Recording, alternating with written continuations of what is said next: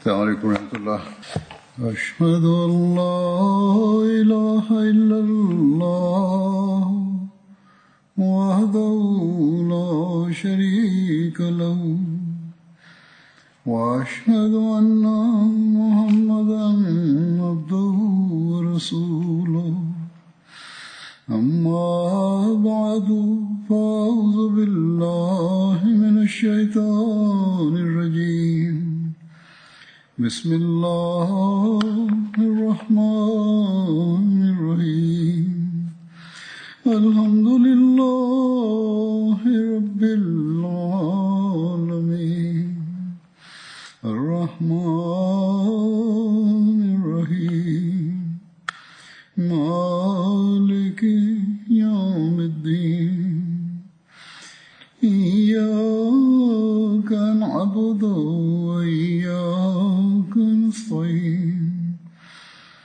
اهدنا الصراط المستقيم صراط الذين أنعمت عليهم غير المغضوب عليهم ولا الضالين 2021ခုနှစ်အောက်တိုဘာလ22ရက်နေ့မှာ Hazrat Amirul Mu'minin Khalifatul Masih Al-Khamis Ayadahullah Ta'ala bin Nasr Aziz ပြစ်မခလီဖာသခင်ကြီးကအင်္ဂလန်နိုင်ငံအစ္စလာမာဘတ်တယ်ဖိုရှိမူဘာရက်ဘလီဝကျောင်းမှာဂျမာခွတ်ဘာမွချာခဲ့ပါတယ်။အဲဒီခွတ်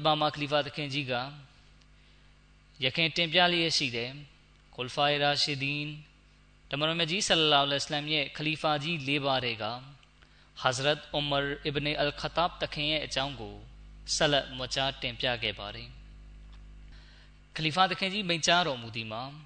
ပြီးခဲ့တဲ့တပတ်ဂျမာခွတ်ဘာမှာအိုမာတခင်ရှဟီဒ်ပြုလောက်ကျန်ခံရခြင်းအကြောင်းနဲ့ပတ်သက်ပြီးအိုဘိုင်ဒူလာဘင်အိုမာနဲ့ဥစမန်တခင်တို့ဂျာမှာအပြန်လန်အခြေတင်ဖြစ်ကြတာကို တင်ပြခဲ့ပါတယ်။ပြီးတော့ဒီတာဝကတော်နှစ်ဦးအခြေတင်ဖြစ်ကြတဲ့အကြောင်းနဲ့ပတ်သက်ပြီးစင့်ပြန်ချက်တစ်ခုကိုလည်းတင်ပြခဲ့ပါတယ်။ အဲဒီစင့်ပြန်ချက်ကဘယ်လောက်ထိမှန်ကန်မှုရှိသလဲဆိုတာကိုတော့အလရှမြတ်သားလင်အတိဆုံးဖြစ်ပါလိမ့်မယ်။ဒီအကြောင်းနဲ့ပတ်သက်ပြီးထပ်တိုးသူတေသနာပြုလေ့လာချက်တွေကိုတင်ပြပါမယ်။အိုဘိုင်ဒူလာဘင်အူမာကဥစမန်တခင်နဲ့အခြေတင်စကားပြောနေကြစဉ်ကဥစမန်တခင်သည်ခလာဖတ်အယယာကိုမရောက်သေးကြ။မဒီနာ၌ရှိသောတုံပန်းအကျဉ်းသားမှန်သမျှမိသူကိုမျှအလွတ်မပေးဘဲအားလုံးကိုတပ်ဖြတ်ပစ်မိဟုအိုဘိုင်ဒူလာဘင်အူမာက ရည်ရွယ်သည်ဒီအကြောင်းကိုရခိုင်တပတ်ခွတ်ဘာမှာလည်းကျွန်တော်တင်ပြခဲ့ပါတယ်။အိုဘိုင်ဒူလာ၏ထိုရည်ရွယ်ချက်ဆန္ဒကိုပထမဆုံးဆန့်ကျင်ခဲ့ကြသူများကတော့မဟာဂျီတာဝကတော်များပင်ဖြစ်သည်။မဟာဂျီများကအိုဘိုင်ဒူလာကိုထိုသို့မလုပ်ဖို့တားမြစ်ခဲ့ကြပြီး၆လန့်ပြောဆိုကြတော့လေ။အိုဘိုင်ဒူလာကကျွန်ုပ်ဒီသူတို့ကိုမလွဲမသွေတပ်ဖြတ်မိဖြစ်ကြောင်းအလအာတတ်တေထားကျိန်ဆိုပြီးပြောပါသည်ဟုကြုံဝါလေသည် အမရ်ဘင်အာစ်ကအိုဘိုင်ဒူလာအားတောက်လျှောက်ဖြောင်းဖြနားချလီယာထို့သောဖြင့်နောက်ဆုံးတွင်အိုဘိုင်ဒူလာကဒလွတ်ကိုအမရ်ဘင်အာစ်၏လက်ထဲသို့အပ်လိုက်သည်ထိုသည့်နောက်ဆာအတ်ဘင်အဘီဝကာစ်ကဖြောင်းဖြပြောဆိုရန်သူတို့နှစ်ဦးထံသို့ရောက်ရှိလာသည်အိုဘိုင်ဒူလာကဆာအတ်ဘင်အဘီဝကာစ်နှင့်လည်းအခြေတင်စကားများပြန်သည်အထက်မှာတင်ပြခဲ့သလိုအိုဘိုင်ဒူလာကဥစမန်တခင်နဲ့လည်းအခြေတင်စကားများခဲ့ပြီး လူတွေကတောင်ဖြန့်ဖြေပေးရတယ်ဆိုတဲ့တမိုင်းဆင့်ပြန်ချက်ကလူတွေဟာဥစမန်တခင်ထံမှာဘာရဲ့တစ္ဆာမခံယူရသေးချိန်မှာဖြစ်ခဲ့တဲ့ဖြစ်ရပါပဲဆိုလိုတာကအဲ့ဒီချိန်မှာဥစမန်တခင်ကိုခလီဖာဖြစ်မရွေးချယ်ရသေးပါဘူးဒါကိုယခင်ကလည်းတင်ပြပြီးဖြစ်ပါတယ်နောက်ပိုင်းမှာအိုဘိုင်ဒူလာကိုဖမ်းဆီးချုပ်နှောင်မှုလည်းပြုခဲ့တယ်ဆိုတဲ့ဆင့်ပြန်ချက်ကိုလည်းတွေ့ရပါတယ်ဥစမန်တခင်ခလီဖာဖြစ်လာပြီးနောက်ပိုင်းမှာအိုဘိုင်ဒူလာကိုဥစမန်တခင်ရဲ့ရှေ့မောက်သို့တင်သွင်းပါတယ် အမီရူလ်မူမီနင်ဥစမန်တခင်ကမူဟာဂျီရီနဲ့အန်ဆာရီတွေကိုရည်ညွှန်းလျက်အစ္စလာမ်အတွက်အဟံတားဖြစ်အောင်ပြုလုပ်သူနဲ့ပတ်သက်ပြီးကျွန်ုပ်မိတို့မိဘုံလှုပ်ဆောင်ရမည်ကိုအကြံပြုတင်ပြကြကုန်ဆိုပြီးမိန့်ကြားတဲ့အခါအလီဘင်အဘီတာလစ်တခင်ကသူ့ကိုပြစ်ဒဏ်မခတ်ဘဲလွတ်ပေးလိုက်မည်ဆိုလျှင်တရားမျှတခြင်းနဲ့ကင်းကွာသွားပါလိမ့်မည်ကျွန်တော်မျိုး၏အမြင်ရသူ့ကိုတေတံပေးတင်ပါသည်ဆိုပြီးလျှောက်ထားပါတယ်ဒါပေမဲ့ အချို့မောဟာဂျီတာဝကတော်တွေကအလီသခင်ရဲ့အကြံပြုချက်ကိုအလွန်ပြင်းထန်တယ်လို့ယူဆကြတာကြောင့်မနေ့ကအိုမာသခင်အသက်ခံရသည်ယနေ့သူသားကအသက်ခံရသည်ဆိုရင်ရင်းမှာမိတို့မြမဖြစ်သင့်ကြဆိုပြီးပြောကြပါတယ်ဒီတင်ပြချက်ကရောက်ရှိနေကြသူအားလုံးရဲ့စိတ်ကိုဝမ်းနည်းကြေကွဲမှုဖြင့်ဖုံးလွှမ်းသွားစေခဲ့ပြီးအလီသခင်ကလည်းနှုတ်ဆက်သွားခဲ့ပါတယ်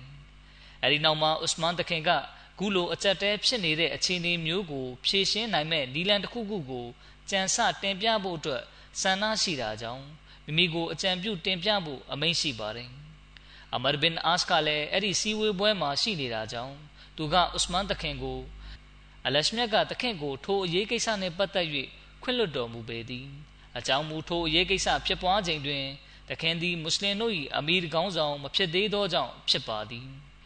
ထိုပြင်ထိုကိစ္စကတခင်၏ခလာဖတ်ကာလတွင် ဖြစ်ပျက်ခဲ့သောကိစ္စလည်းမဟုတ်ပါ။ထို့ကြောင့်ယင်းအတွက်တခင်အနေနဲ့မိတို့မြတာဝန်ခံစရာမလိုပါဆိုပြီးအကြံပြုတင်ပြပါတယ်။ဒါပေမဲ့ဥစမန်တခင်ကဒီလိုအကြံပြုချက်ကိုစိတ်ကျေနပ်မှုမရှိဘဲ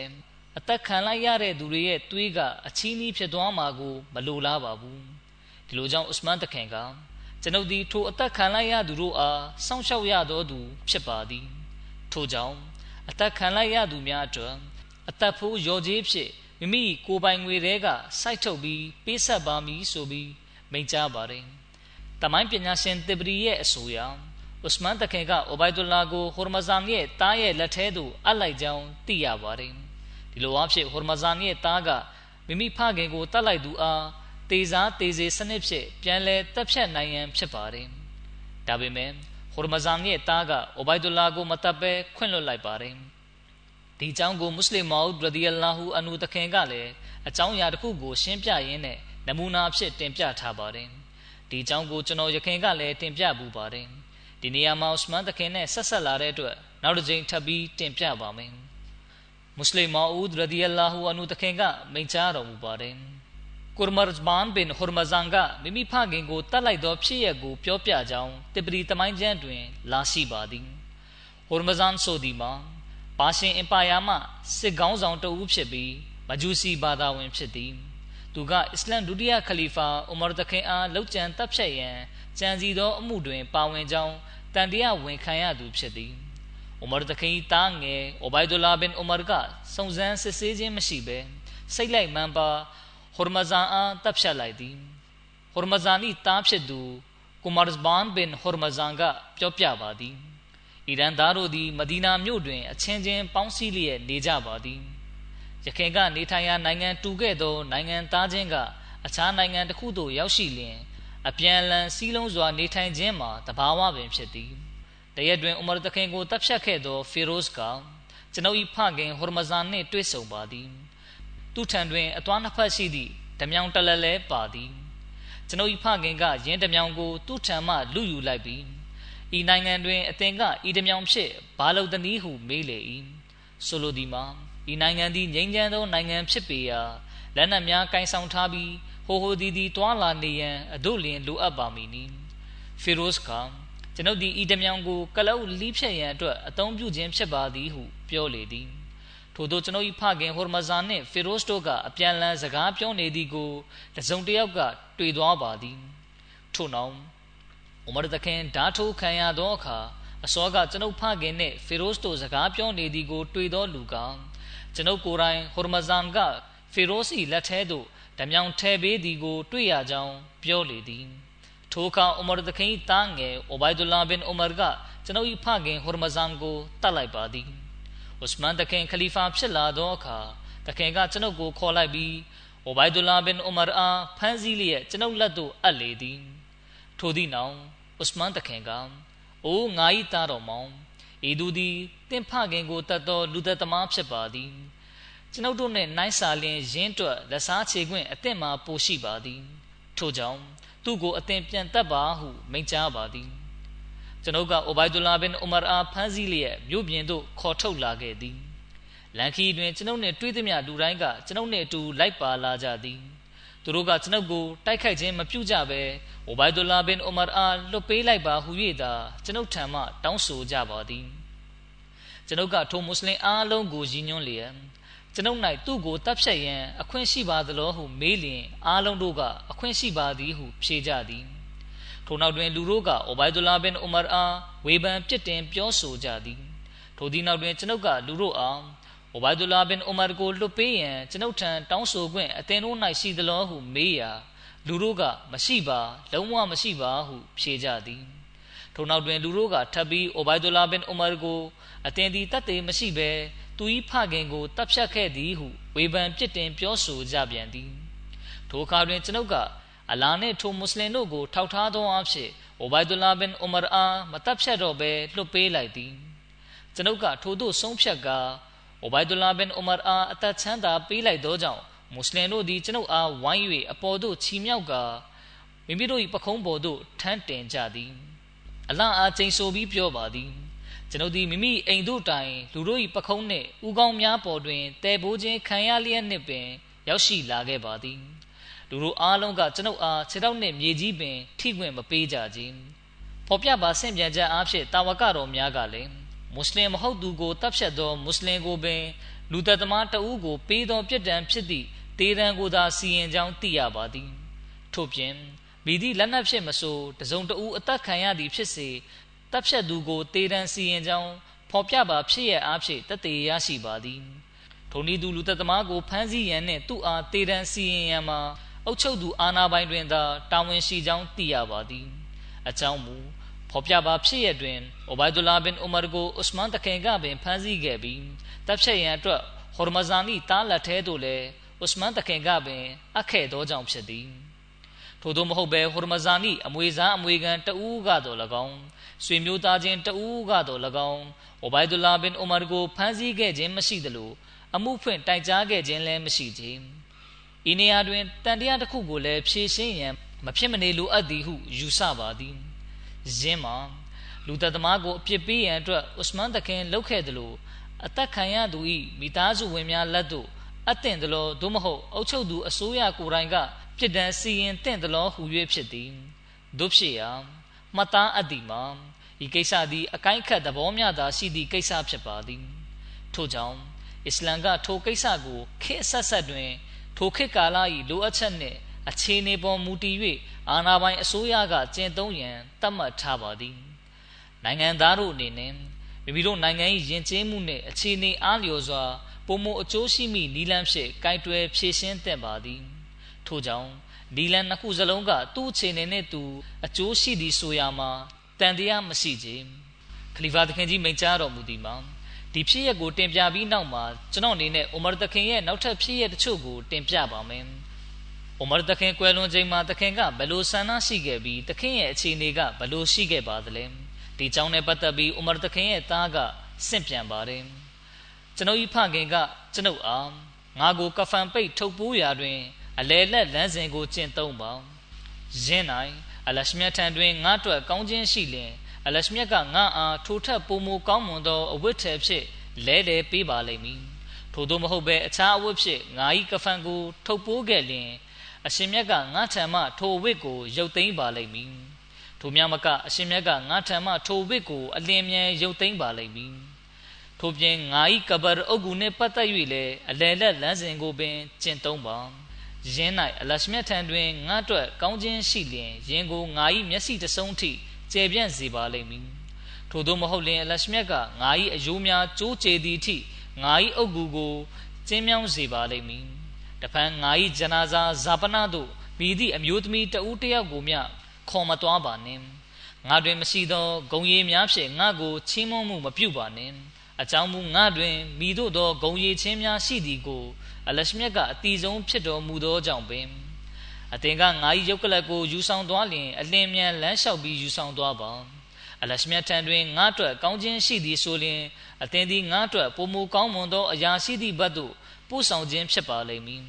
ထို့သောမဟုတ်ခဲ့လျင်အသင်သည်မိမိပခုံးပေါ်မှထိုမကောင်းမှုကိုဖယ်ချရပါလိမ့်မည်ဟုမိန့်ကြားလေသည်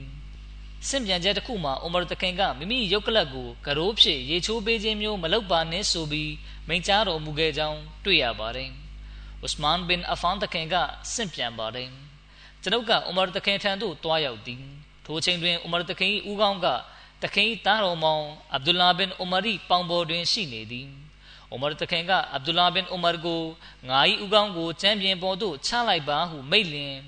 အဗ်ဒူလာဘင်အိုမာကကျွန်တော်မျိုး၏ပေါင်နှင့်ချမ်းပြင်ကတပြေးတည်းဖြစ်ပါသည်ဟုဖြေလေသည်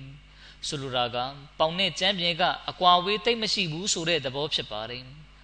အိုမာတခင်ကထိုစကားကိုနှစ်ချိန်သုံးချိန်မိန့်ကြားပြီးအဖေပြောသလိုသာလုပ်ပါဟုမိန့်ကြား၏။ထိုနောက်တွင်အိုမာတခင်ကမိမိခြေထောက်နှစ်ဖက်ကိုဆုလိုက်သည်။အိုမာတခင်ကအလရှမြတ်ကသာငါ့ကိုခွင့်မလွတ်ဘူးဆိုလျှင်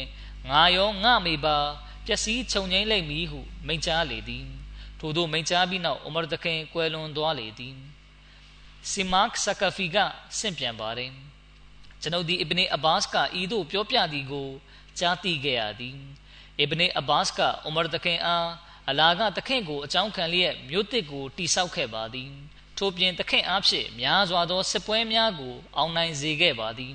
တခင်အားဖြင့်ထိုထိုသောလုပ်ငန်းများမှာအောင်မြင်ခဲ့ပါသည်ဟုရှောက်ထား၏ထိုအခါအူမာတခင်ကကျွန်ုပ်သည်ကျွန်ုပ်တို့မိသို့သောဆုလက်ကိုတော်၎င်းမိသို့သောဝင်တော့ဝင်ဖို့ကိုတော်၎င်းမလိုခြင်းပဲ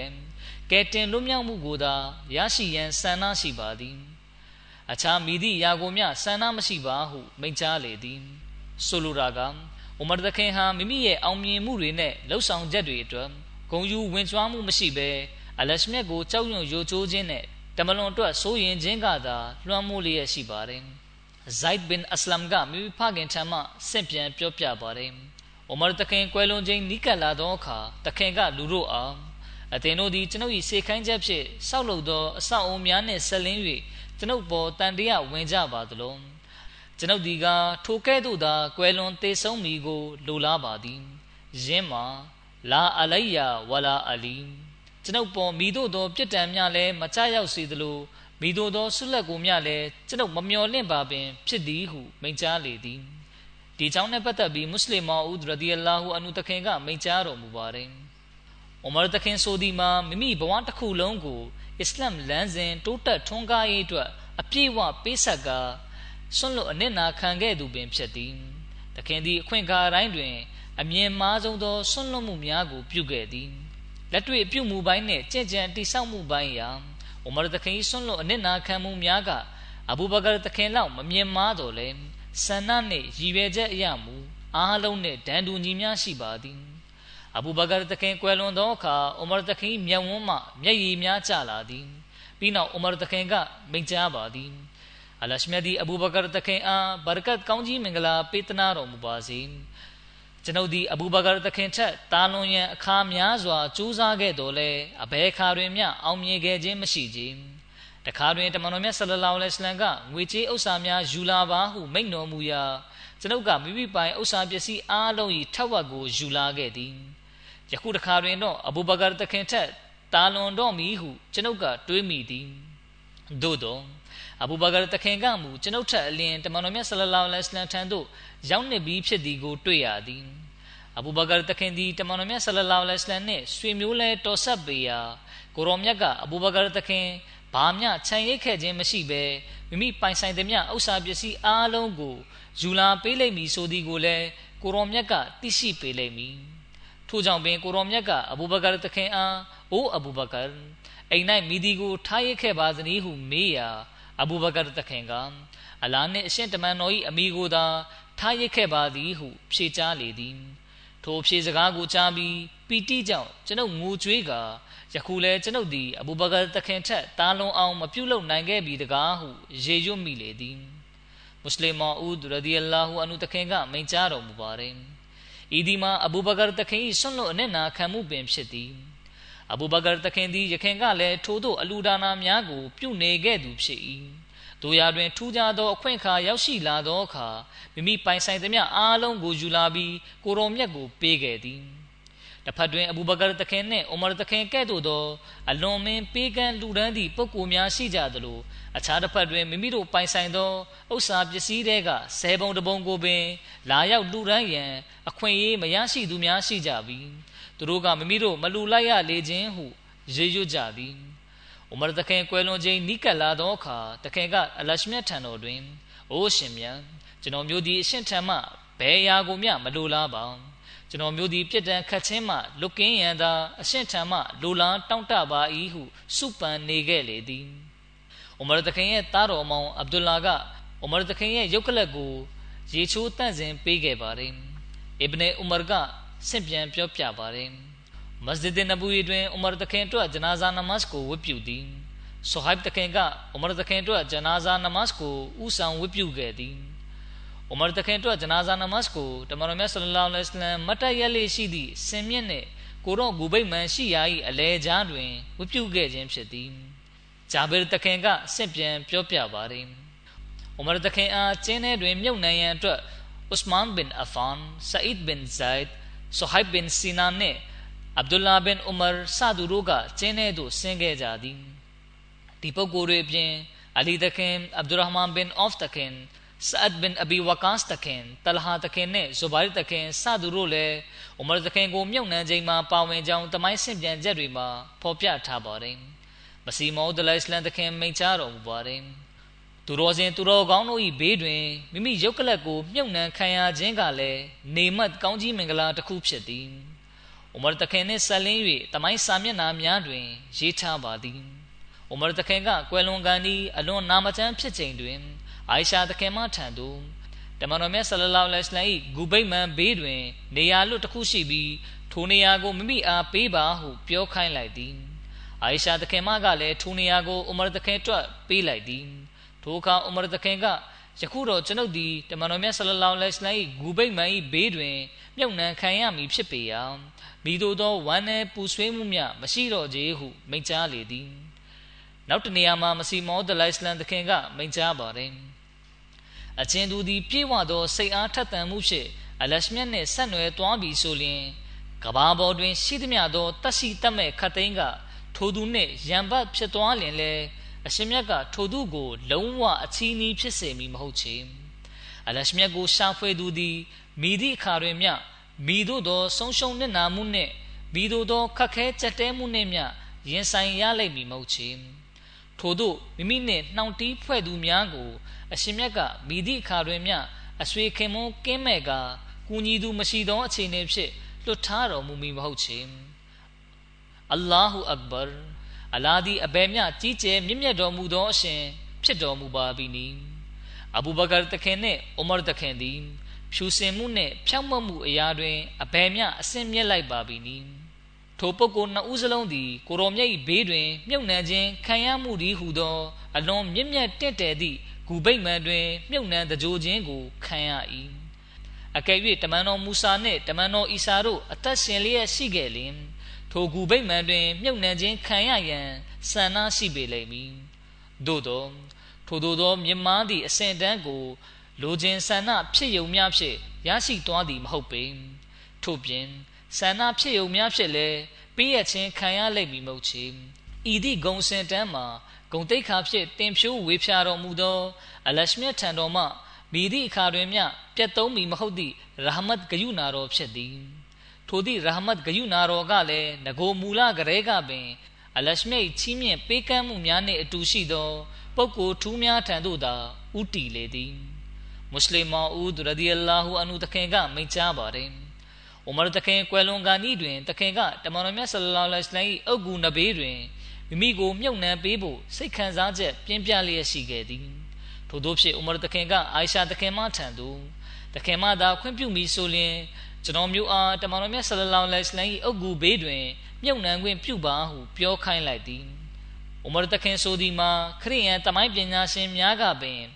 ဥမာကဲ့သို့အုပ်ချုပ်သူမျိုးကဘာပေါ်တွင်အခြားမရှိဟုရေးသားခံရသူပင်ဖြစ်သည်။ ထိုခရိယန်စာရေးဆရာများကတမန်တော်မြတ်ဆလလောလဟ်အလိုင်းကိုဝေဖန်ပုတ်ခတ်ပြောဆိုကြတော်လဲ။ဥမာတခင်ကိုမူချီးမွမ်းပြောဆိုကြသည်။သို့သောတမန်တော်မြတ်ဆလလောလဟ်အလိုင်းနဲ့အချိန်ပြည့်အနီးကပ်နေခဲ့ရပြီးမိမိနောက်ဆုံးထွက်သက်မှာပင်တမန်တော်မြတ်ဆလလောလဟ်အလိုင်းခြေတော်ရင်း၌မိမိအားမြုပ်နှံရန်နေရာလေးတစ်ခုရဖို့အိုမာတခင်ကဆန္ဒကြီးစွာဖြစ်ခဲ့သည်အကယ်၍တမန်တော်မြတ်ဆလလောလဟ်အလိုင်း၏လှုပ်ဆောင်ချက်တစ်ခုခုကတော့ဖြစ် အလာရှမြတ်၏ခြေနှံ့နဲ့တတ်တော်မူခြင်းကိုရရှိရန်အလို့ငါလှုပ်ဆောင်ခဲ့ခြင်းမရှိဟု၍တတ်သေးရထင်ရှားသည်ဆိုလျင်အိုမာတခင်ကဲ့သို့သောအလွန်ကြီးကျယ်ခမ်းနားသည့်ပုဂ္ဂိုလ်ကထိုမြမြင်မာသောအစဉ်တန်းကို ရောက်ရှိပြီးတော့ပင်မိမိအားကိုရောမြတ်၏ခြေတော်ရင်းတွင် မြုပ်နှံခွင့်ပေးပါဟုသောဆန္ဒမျိုးဖြစ်ပေါ်ပါမည်လုံးတို့ဖြစ်ရာဤဒီမှာတမန်တော်မြတ်ဆလလောလဟ်အလိုင်းမ်၏အဆင့်မြင့်မားမှုကြောင့်ပင်ကိုရောမြတ်၏ခြေတော်ရင်းတွင် နေရာရရှိဖို့အိုမာတခင်ကဆန္ဒဖြစ်ခဲ့ခြင်းဖြစ်သည်အိုမာတခင်ကွယ်လွန်တဲ့ခုနှစ်တက္ကရာနဲ့ပတ်သက်ပြီးတမိုင်းဆင့်ပြန်ချက်တွေမှာအဆိုအသီးသီးလာရှိပါတယ်တခင်ရဲ့မွေးတက္ကရာနဲ့ပတ်သက်ပြီးတော့လည်းအဆိုအသီးသီးကွဲပြားနေတဲ့အတွက်ကွယ်လွန်ချိန်မှာအသက်ဘယ်လောက်လဲဆိုတဲ့အဆိုတွေမှာလည်းကွဲပြားသွားရခြင်းဖြစ်ပါတယ်တာရီခေတဘရီဥစဒုလ်ဂါဘာအလ်ဘဒါယာဝန်နဟာယာရီယာဇုလ်နဆရာ တာရီခုလ်ခူလဖာစတဲ့တမိုင်းကျမ်းအသီးသီးမှာတခင်ကွယ်လွန်ချိန်၌တခင်ရဲ့အသက်က53 55 59 59 61 63 65စသဖြင့်အသီးသီးဖော်ပြထားကြပါတယ်။ဆဟီမွတ်စလင်ကျမ်းနဲ့တိရမဇီကျမ်းရဲ့ဆင့်ပြန်ချက်တွေအရအိုမာတခင်ကွယ်လွန်ချိန်မှာအသက်63နှစ်ရှိပြီဖြစ်ကြောင်းသိရပါတယ်။အနတ်ဘင်မာလစ်တခင်ကဆင့်ပြန်ပါတယ်။ တမန်တော်မြတ်ဆလလောလဟ်အလัยဟ်ကွယ်လွန်ချိန်တွင်တက်တော်63နှစ်ရှိပြီးအဘူဘကာတခင်ကလည်းကွယ်လွန်ချိန်တွင်အသက်63နှစ်ဖြစ်သည်။ထိုနည်းတူအိုမာတခင်လည်းကွယ်လွန်ချိန်တွင်အသက်63နှစ်ဖြစ်သည်။။ဥမာသခင်ကွယ်လွန်ချိန်မှာတချို့တာဝကတော်တွေရဲ့ယူဆချက်တွေနဲ့ပတ်သက်ပြီးတမိုင်းဆင့်ပြန်ချက်တွေမှာဖော်ပြလာရှိပါတယ်။အစ်ဘနီအဘတ်စ်ကဆင့်ပြန်ပါတယ်။ဥမာသခင်ရုပ်ကလပ်ကိုမြေမြုပ်တကြိုရန်ယူဆောင်လာပြီး လူတို့ကသခင်ရုပ်ကလပ်ဘေးတွင် မတ်တက်ရက်လိုက်ကြသည်။သခင်ရုပ်ကလပ်ကိုထမ်းပိုးမှုမပြုမီတဝါဆူတောင်းကြသည်။ထို့နောက်တွင်ဂျနာဇာနမတ်ကိုစူပေါင်းဝတ်ပြုကြသည်။ယင်းတို့၌ကျွန်ုပ်ဒီလည်းတဦးပါဝင်ဖြစ်သည်။ထိုစဉ်လူတစ်ယောက်ကကျွန်ုပ်၏ပခုံးကိုကင်လိုက်သည်ထိုသူမှာအလီဘင်အဘီတာလစ်ဖြစ်သည်အလီတခင်ကအိုမာတခင်အတွက်အလရှမြတ်ထံမှဂယုနာတက်ရောက်ရန်အလို့ငါတဝါဆူတောင်းသည် အလီတခင်ကအိုမာတခင်ရုပ်ကလပ်ကိုကြည့်ပြီးမိန့်ကြားသည်မှာကျွန်တော်မျိုးဒီတခင်ကြင်ကြံတိဆောက်မှုကိုကြည့်ပြီးထိုတိုင်းလိုက်နာကြင်ကြံလျက်အလာနှင့်စုံစည်းခွင့်ရရှိရန်ဆန္ဒဖြစ်ခဲ့ပါ၏ထိုရှုထောင့်ရကျွန်တော်မျိုးဒီတခင်အားလွန်စွာချစ်ခင်ပါသည်အလရှမြတ်ဒီတခင်အားတခင်ချစ်သောတခင်အဖော်မုံများနှင့်အတူထားရှိလိမ့်မည်ဟုကျွန်တော်မျိုးမျှော်လင့်ပါသည်ကျွန်တော်မျိုးဒီတမန်တော်မြတ်ဆလလောလဟ်အလัยဟ်ထံမှထိုစကားကိုကြိမ်ပန်းများစွာကြားခဲ့ရပါသည် ဇဟာဘတုအနာဝအဘူဘကရင်ဝဥမရဝဒခလတုအနာဝအဘူဘကရင်ဝဥမရဝခရစတုအနာဝအဘူဘကရင်ဝဥမရငါကိုရောအဘူဘကာနှင့်ဥမရတို့အတူသွားကြသည်ငါကိုရောအဘူဘကာနှင့်ဥမာတို့အတူဝင်ရောက်ကြသည်ငါကိုရောအဘူဘကာနှင့်ဥမာတို့အတူထွက်ခွာလာကြသည်ဟု၍ဖြစ်သည်ဆိုလိုတာက ဖြစ်ရဲ့အသီးသီးကိုမိန့်ကြားတိုင်းတမန်တော်မြတ်ဆလလောလဟ်အလัยဟ်ကဖော်ပြပါစကားစုကိုမိန့်ကြားလေရှိခြင်းပါပဲဂျာဖာဘင်မိုဟမ္မဒ်ကမိမိဖခင်ထံမှဆင့်ပြန်ပါတယ်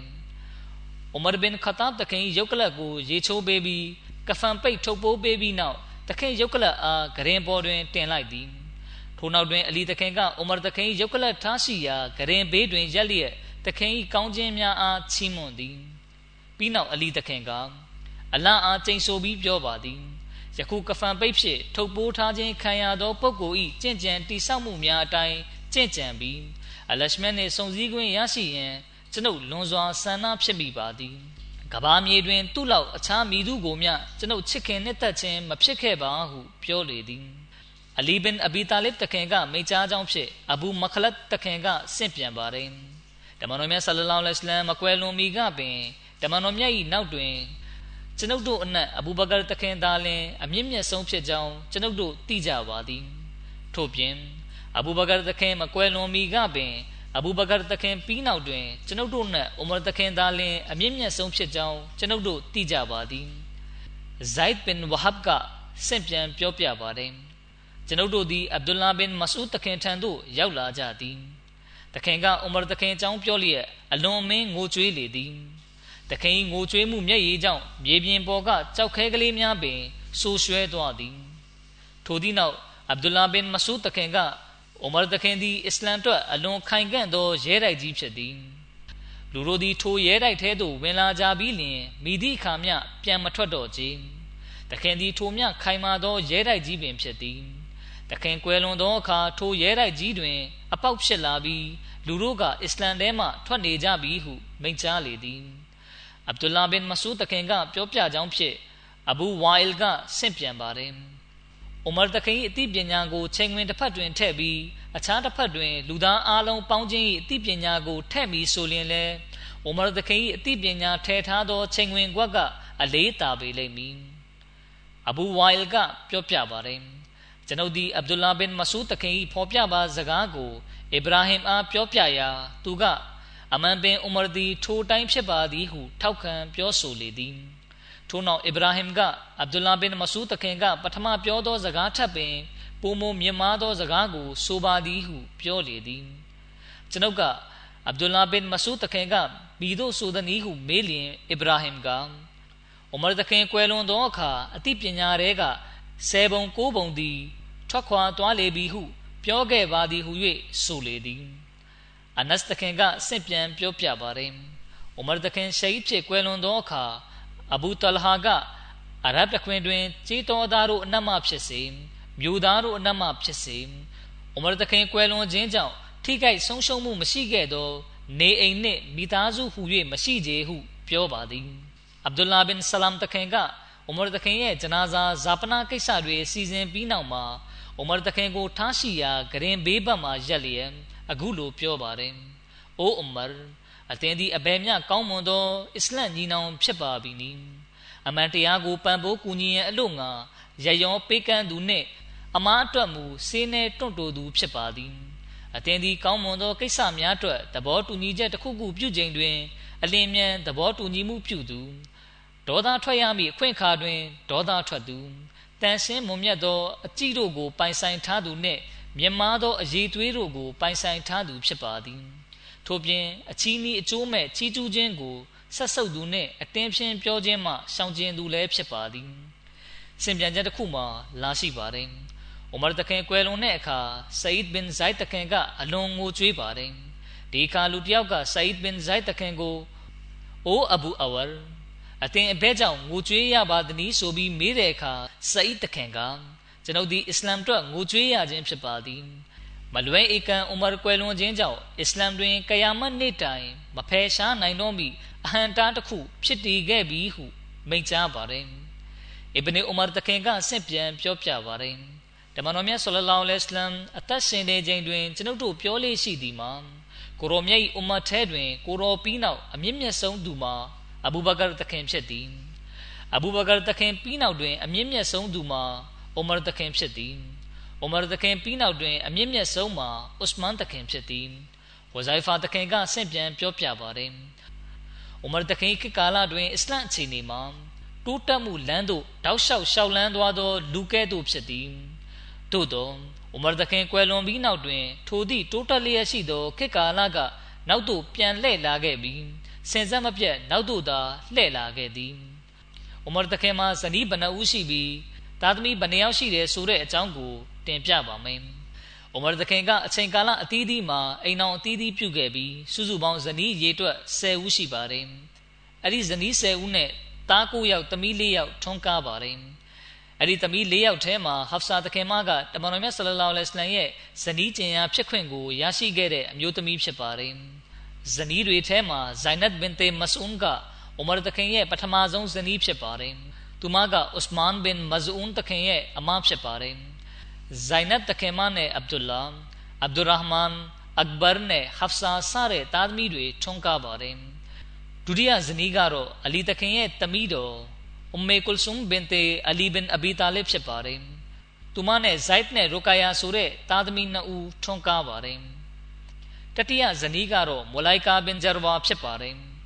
သမီးတော်အုမ်မေကုလ်ဆုမ်ဘင်တေအလီဘင်အဘီတာလစ်ဖြစ်ပါတယ်သူမနဲ့ဇိုက်နဲ့ရိုကာယာဆိုတဲ့သားသမီးနှစ်ဦးထွန်းကားပါတယ်တတိယဇနီးကတော့မိုလိုက်ကာဘင်ဂျာဝါဖြစ်ပါတယ်သူမနဲ့ဇိုက်အစဂရနဲ့အိုဘိုင်ဒူလာဆိုတဲ့တားနှစ်ယောက်ထွန်းကားပါတယ်။ဇရုထဇနီးကတော့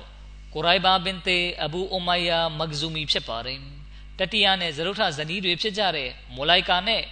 ကိုရိုင်ဘာတို့အစ္စလမ်ထဲဝင်ရောက်ခြင်းမရှိကြတာကြောင့်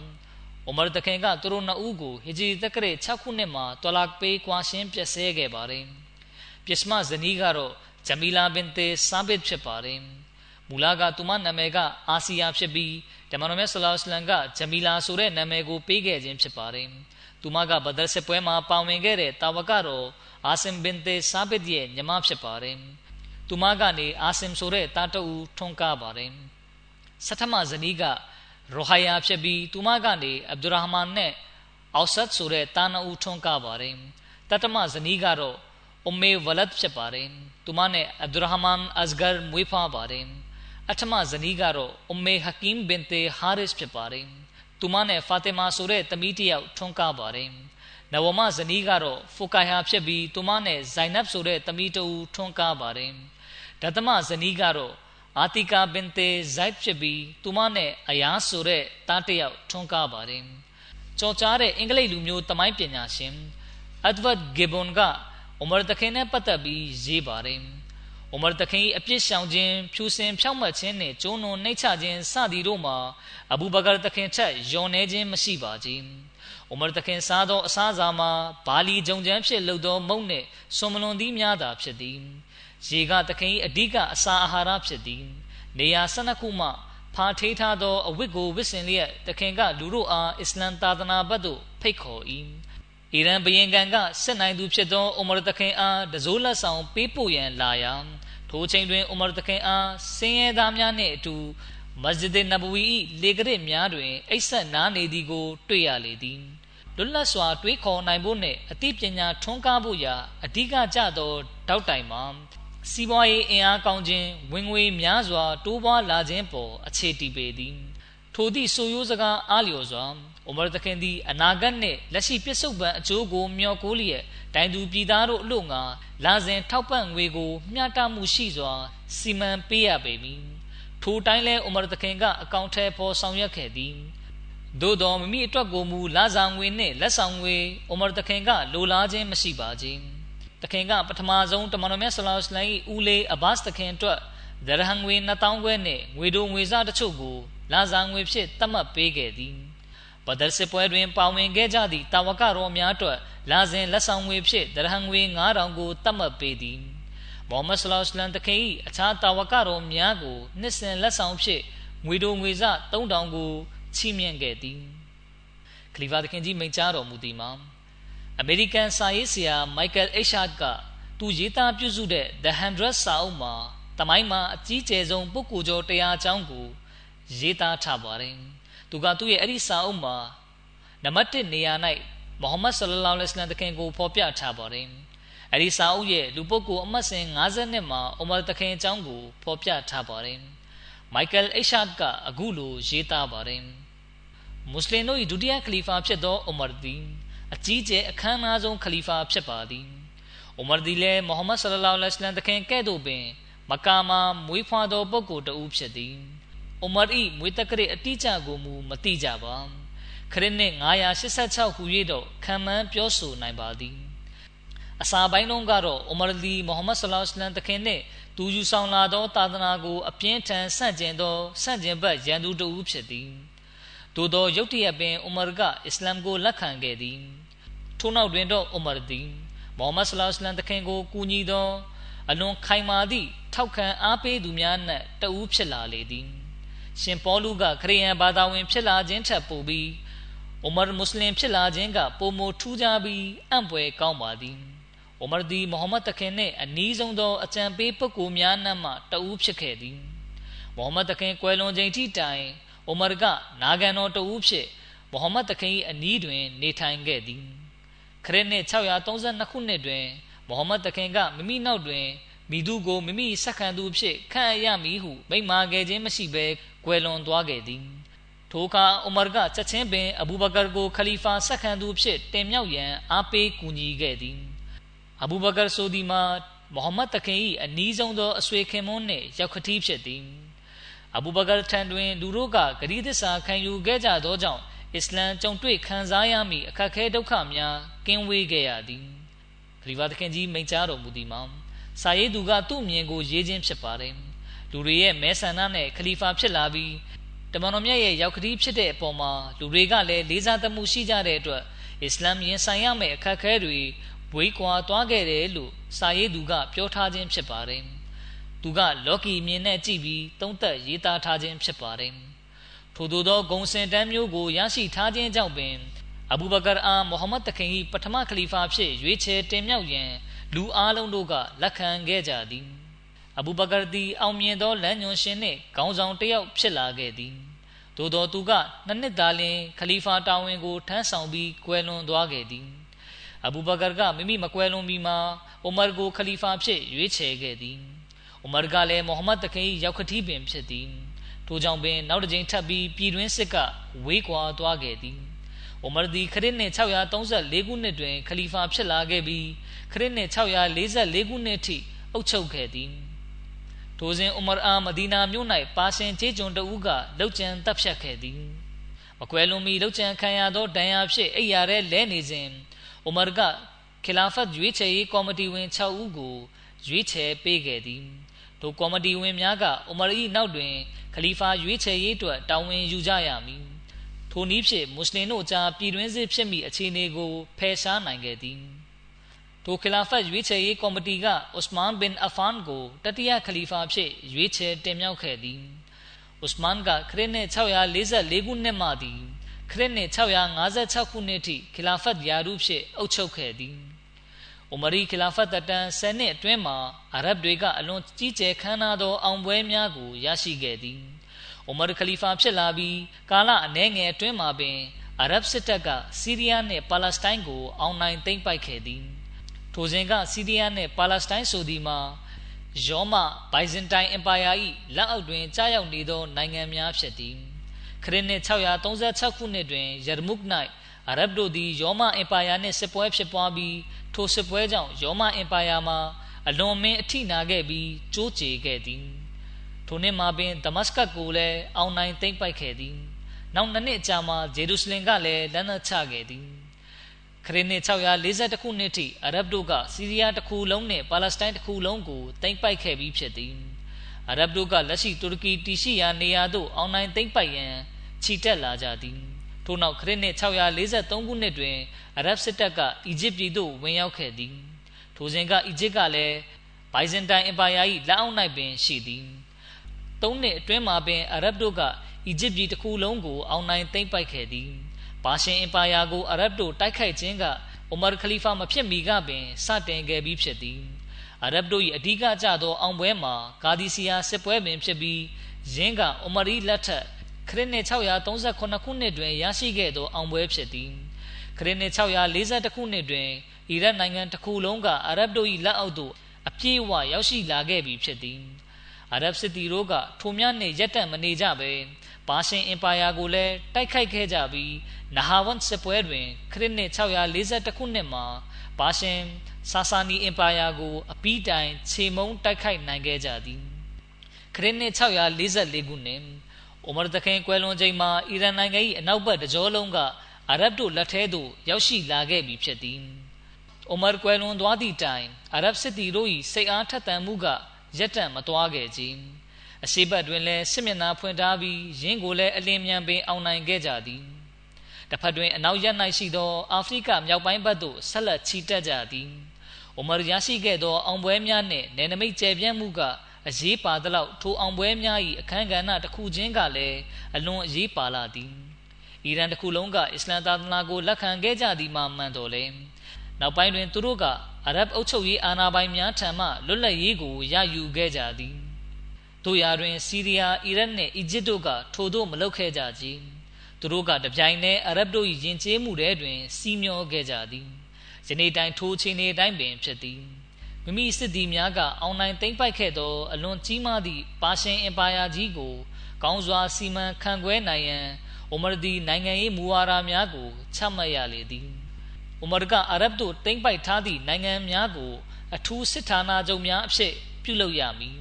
သို့သောနိုင်ငံသားများနှင့်ရောနှောမနေဘဲတီးခြားနေထိုင်ရမည်ဟုအမိန့်ချမှတ်ခဲ့သည်မွတ်စလင်တို့တိမ့်ပိုက်လိုက်သည့်နေရာဒေသများနှင့်နိုင်ငံများအားလုံးကအခွန်ပေးဆောင်ရသည်အခွန်ပေးဆောင်ရသည်မှလွဲပြီးအခြားအကြောင်းကိစ္စများအားလုံးတွင် ထိုနိုင်ငံများအားလုံးသည်ငြိမ်းချမ်းရေးနှင့်လွတ်လပ်မှုကိုအပြည့်အဝခံစားကြရသည် မိတို့သောတာဝန်မှလည်းနိုင်ငံသားများပေါ်သို့တင်ဆောင်ခြင်းမရှိခြင်းအထူးသဖြင့်ထိုလောက်အောက်ခံနိုင်ငံများကိုမဖြစ်မနေမွတ်စလင်ဖြစ်ရမည်ဟုအတင်းကျပ်လှုံ့ဆော်ခြင်းမျိုးမရှိခြင်းပင်ဖြစ်သည်ပေါ်ပြပါအချက်လက်တွေအဖြစ်အရဗ်တို့သည်စစ်ပွဲဆင်နွှဲခြင်းထက်နိုင်ငံသားများပေါ်များစွာအလုကျွေးပြုခဲ့ကြောင်းအထင်ရှားတွေ့ရပါသည်ဘာသာရေးကိစ္စများလုံးဝမပါရှိသလောက်ပင်ဖြစ်သည် အိုမရီအောင်မြင်မှုများမှာချွင်းချက်မရှိစိတ်ဝင်စားဖွယ်ကောင်းပြီးစိတ်ကိုတက်ရောက်မှုဖြစ်စေသည့်အကြောင်းအရာများပင်ဖြစ်ပါသည်မိုဟမ္မဒ်တခင်ပြီးနောက်တွင်အိုမာကအစ္စလမ်ကိုဖြန့်ကျက်စေသည့်အလွန်ခမ်းနားထဲဝါသည့်ပုဂ္ဂိုလ်ဖြစ်သည်အိုမာရီအလွန်လျင်မြန်သောအောင်ပွဲများမပါရှိဘဲအစ္စလမ်သည်ယခုလောက်ထိဖြန့်ကျက်ပြန်ပွားစရာအကြောင်းမရှိကြ။အိုမာရီလက်ထက်တွင် အောင်နိုင်သိမ့်ပိုက်ခဲ့သောနယ်မြေအများစုမှာ ယခုတိုင်အရတ်တို့သာနေထိုင်ကြသည့်နေရာများဖြစ်သည်။အစ္စလမ်အောင်ပွဲအားလုံးအတွက်အလွန်ထူးခြားကောင်းမွန်လာသည့်လှုံ့ဆော်အားပေးခဲ့သူမိုဟမ္မဒ်တခင်ကိုသာလျှင်ဂုံပြုရမည်ဖြစ်သည်ကမှန်တော်လေ။အိုမာရီအခမ်းကဏ္ဍကိုမျက်ွယ်ပြုလိုက်ခြင်းကအလွန်ကြီးမားသောမဟာအမားပင် ဖြစ်ပေလိမ့်မည်။အိုမာရီအောင်မြင်မှုများကမိုဟမ္မဒ်တခင်၏အရေးစာရာအောက်တွင် နေထိုင်ခဲ့ခြင်းကြောင့်အလိုလျောက်ထွက်ပေါ်လာသည့်ရလဒ်များမဟုတ်ပါကြီး။ မိုဟမ္မဒ်တခင်၏တက်ရောက်မှုများပါဝင်သည်မှာမှန်တော်လေ။အိုမာရီခလာဖတ်လက်ထက်တွင်ရရှိခဲ့သောအောင်မြင်မှုများကအိုမာကိုရိုင်၏အရေးချင်းများနှင့်လည်းများစွာသက်ဆိုင်လာပါသည်။အိုမာရီဂုံရည်သွေးများနှင့်အခမ်းကဏ္ဍကိုအနောက်ကဘာတွင် လူသိနေကြပါသည်။သို့သောအမှန်အဖြစ်အိုမာရီအဆင့်ကိုရှာလမိန်ဘုရင်နှင့်ဂျူလီယက်စီဇာတို့ထက်တာလွန်သောအဆင့်ပေးမည်ဆိုလျင်တောင်လွန်မီမဟုတ် ထို့ပြင်အိုမာသခင်၏ခေတ်ကာလတွင်အာရဗ်တို့၏အောင်မြင်မှုမှာရှာလမိန်ဘုရင်နှင့်ဂျူလီယက်စီဇာတို့နှင့်နှိုင်းယှဉ်မည်ဆိုလျင်ခေတ်ကာလနှင့်အခြေအနေရအလွန်ထူးခြားကောင်းမွန်လာပါသည်တဖန်ပါမောက္ခဖီလစ်ဟီတီကသူရေးသားပြုစုတဲ့ History of the Arab စာအုပ်မှာအခုလိုရေးသားပါတယ်။အိုမာဒီရိုးရှင်းစွာနေထိုင်သူအပြစ်ရှောင်သူရောင်ရဲတင့်တိမ်သူမိုဟမ္မဒ်တခင်ခွန်အားဖြစ်ပြီးအရေးချင်းရှိသောကိုရော့အားဆက်ခံသူခလီဖာဖြစ်သည် အိုမာဒီအစင်တန်းအားဖြင့်မြတ်မားသူခွန်အားပလာနှင့်ပြည့်စုံပြီးဦးကောင်းတွင်သပင်အနှဲငယ်သာရှိသူဖြစ်သည်ခီလာဖတ်အယယာကိုဆက်ခံရယူဖို့အချိန်ကာလတစ်ခုထိအိုမာကနှိမ့်ချသောအားဖြင့်အကြောင်းပြရှောင်လွဲဖို့ကြိုးစားခဲ့သည်အိုမာဒီဘဝတစ်ခုလုံးကိုသူတော်စင်တဦးကဲ့သို့ရိုးရှင်းစွာကျင့်သုံးနေထိုင်ခဲ့သူဖြစ်သည်အစ္စလမ်ကဘာတွင်မိုဟမ္မဒ်တခင်ပြီးနောက်အခမ်းအနားအထည်ဝါဆုံးဖြစ်သောပုဂ္ဂိုလ်ဖြစ်သည့် အိုမာအာမွတ်စလင်တမိုင်းပညာရှင်များကသူ၏အပြစ်ရှောင်ခြင်းတရားမျှတမှုရှိခြင်းယူသားခြင်းစသည်တို့အတွက်နမူနာဖြစ်၎င်းခလီဖာတစ်ပါးတွင်ရှိအပ်သောဂုံရည်ချင်းများအားလုံးနှင့်ပြည့်စုံသူအဖြစ်၎င်းတင်ပြကြပါသည်အိုမာရီလှုပ်ဆောင်ချက်များအားလုံးသည်စက္ကန့်သူခလီဖာများအားလုံးအတွက်၎င်းရှင်ဘရင်များနှင့်လူကုန်တန်းများအတွက်၎င်းအတုယူစရာနမူနာဖြစ်လာခဲ့သည်အိုမာထံတွင်ဝစ်စရာဆိုလို့ အင်ကြီးတစ်ထည်နှင့်ဘောင်းမီတစ်ထည်သာရှိသည်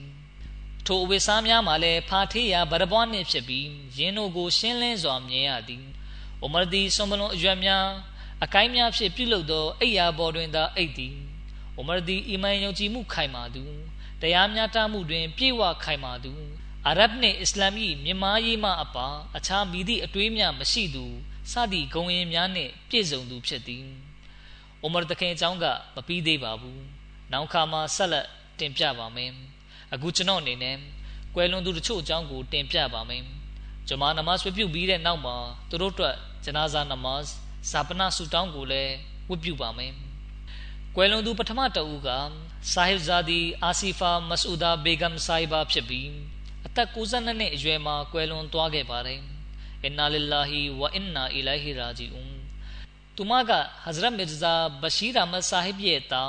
ဒေါက်တာမီဇာမဘရှရာမတ်ဆာဟစ်ရဲ့ဇနီးဖြစ်ပါတယ်သူမကမစီမောဒလိုင်စလန်တခင်ရဲ့တမီးတော်ဘက်မှမြစ်တော်ဆက်သူဖြစ်ပြီးနဝါဘ်မဘာရကာဘေဂမ်ဆာဟီဘာနဲ့နဝါတ်မို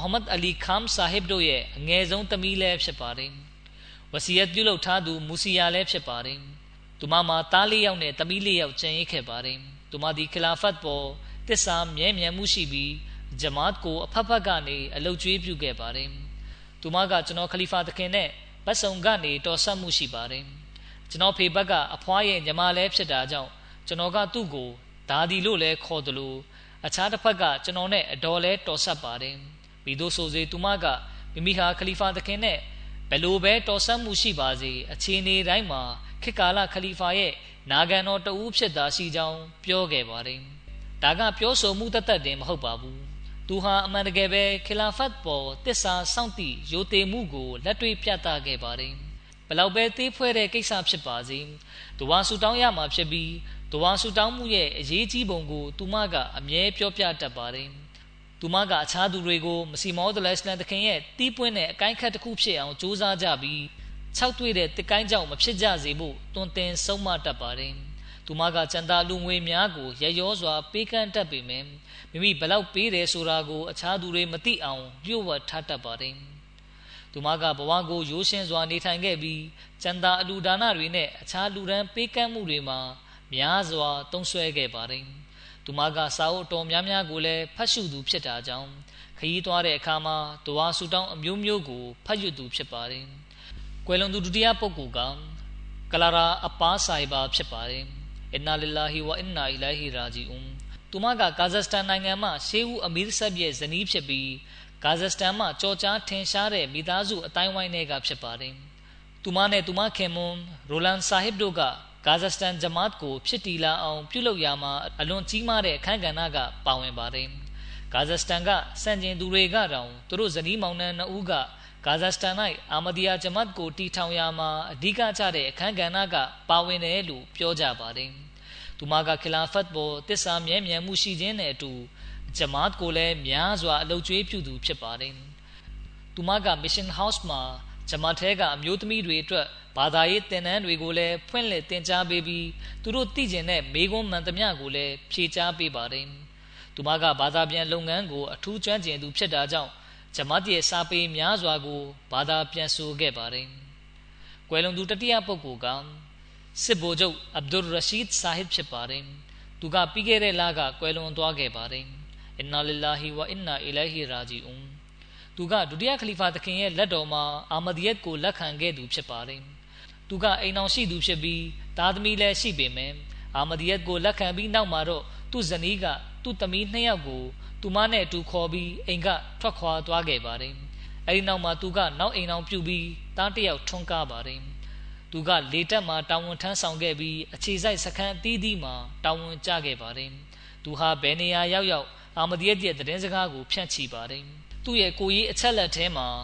အာမဒီဆိုပြီးရှင်းလင်းစွာ ရေးထားတာကြောင့်အရာရှိတော်များများကသူ့ကိုယာရုမပေးဖို့ကန့်ကွက်ကြပေမယ့်သူ့ရဲ့အထက်အရာရှိအကြီးအကဲကသူ့ကိုထူးချွန်ထက်မြက်သူဖြစ်ရှုမြင်တာကြောင့်ယာရုတာဝန်ပေးရခဲ့ပါတယ်။ သူက၅ချိန်နမတ်ကိုပုံမှန်ဆွဲမြဲစွာဝတ်ပြုသူဖြစ်ပြီးဂျမ်မြတ်ကုရ်အန်ကိုပုံမှန်ရွတ်ဖတ်သူနဲ့ကျန်တာအလူငွေပုံမှန်ပေးဆောင်သူဖြစ်ပါတယ်။သူကသူ့ရဲ့သားသမီးတွေကိုလည်းခလာဖတ်ပေါ်အမြဲတစ္ဆာမြဲမြံမှုရှိဖို့တွန်းတင်ပါတယ်။လေတက်ကအနာယူပြီးနောက်မှာသူကဂျမတ်အတွက်အခမ်းကဏ္ဍအသီးသီးကနေတာဝန်ထမ်းဆောင်ခဲ့ပါတယ်။ကွယ်လွန်သူစရုပ်ထပုဂ္ဂိုလ်ကဇူဘေဒါဘေဂမ်ဆာဟီဘာဖြစ်ပါတယ်အင်နာလ illah ဝအင်နာအီလိုင်ဟီရာဂျီအွန် သူမကကရီမ်အာမတ်နစီမ်ဆာဟစ်ရဲ့ဇနီးဖြစ်ပါတယ်သူမကအမေရိကန်နိုင်ငံမှဖြစ်ပါတယ်သူမဟာခီလာဖတ်ပေါ်တစ္ဆာရှိပြီးများစွာသောတန်ရှင်းမွန်မြတ်တဲ့အရေးချင်းတွေကိုပိုင်ဆိုင်ထားသူဖြစ်ပါတယ်သူမမှာသား၃ယောက်နဲ့သမီး၂ယောက်ကျန်ရစ်ခဲ့ပါတယ်သားတစ်ယောက်ကအမေရိကန်နိုင်ငံ Humanity First ရဲ့နာယကဖြစ်ပါတယ်သူမကလူတိုင်းကိုချစ်ခင်စွာပြုမှုဆက်ဆံတတ်သူဖြစ်ပါတယ်။စင်ရဲနွမ်းပါသူတွေကိုတနာကျင်နာတတ်သူဖြစ်ပြီး မိသားစုဝင်တွေကိုလည်းဂရုစိုက်တတ်သူဖြစ်ပါတယ်။ကွယ်လွန်သူပစ္စမပုဂ္ဂိုလ်ကဟာဖစ်အာမတ်ဂူမန်ဆာဟစ်ဖြစ်ပါတယ်။သူကလက်တလုံးမှာကွယ်လွန်သွားခြင်းဖြစ်ပါတယ်။အင်နာလ illah ဝအင်နာအီလိုင်ဟီရာဂျီအွန်သူကကျမ်းမြတ်ကုရ်အန်ကိုဖတ်ရှုရခြင်းနဲ့ကုရ်အန်ဂီကာကျမ်းတွေကိုလေ့လာရခြင်းအားအလွန်နှစ်သက်သူဖြစ်ပါတယ်။ဒါပြင်မစီမောဒလိုင်စလန်တခင်ရဲ့ကျမ်းစာအုပ်တွေကိုဖတ်ရှုရခြင်းကိုလည်းအလွန်နှစ်သက်သူဖြစ်ပါတယ်။သူကအဲ့ဝတ်ခြေပွန်သူ ရိုးရှင်းစွာနေထိုင်သူအလုတ်ကြိုးစားသူနဲ့အခြားသူတွေပေါ်ဂရုစိုက်တတ်သူဖြစ်ပါတယ်။အခြားသူတွေကိုကူညီဖို့အတွက်ဆိုသူကိုယ်တိုင်ဒုက္ခခံလေးရှိပါတယ်။သူ့သားတွေတဲကတယောက်ကခလာဖတ်ယုံတော်မှာခလီဖာရဲ့ကိုရေးအတွင်းမှုဖြစ်တာဝန်ထမ်းဆောင်လျက်ရှိပါတယ်။အလရှမြဒီကွယ်လွန်သူအားလုံးကိုမဂ်ဖီရတ်တနာကျင်နာတော်မူလျက်ခွင့်လွှတ်ချမ်းသာပြုတော်မူပါစေ သူတို့ရဲ့နံဝင်ခြင်းပိုင်းဆိုင်ရာအစင်တန်းကိုမြင့်တင်ပေးတော်မူပါစေကျန်ရည်သူမိသားစုဝင်တွေကိုလည်းကြံ့ကြံ့ခံလျက်ယက်တီနိုင်စွမ်းပေးတော်မူပါစေကျန်ရည်ခဲ့တဲ့သားသမီးတွေမြင်းမြစ်တွေကိုလည်းသူတို့တိုင်ကောင်းမှုပွားများအားထုတ်နိုင်စွမ်းပေးသနာတော်မူပါစေအာမင် الحمد لله الحمد لله نحمده ونستعينه ونستغفره ونؤمن به ونتوكل عليه. ونعوذ بالله من شرور أنفسنا ومن سيئات أعمالنا. من يهده الله فلا مضل له ومن يضلله فلا هادي له. ونشهد أن لا إله إلا الله. ونشهد أن محمدا عبده ورسوله. عباد الله رحمكم الله. إن الله يأمر بالعدل واللسان وإيتاء ذي القربى. وينهى عن الفحشاء والمنكر والبغي يعظكم لعلكم تذكرون. اذكروا الله يذكركم وذوه يستجب لكم ولذكر الله أكبر.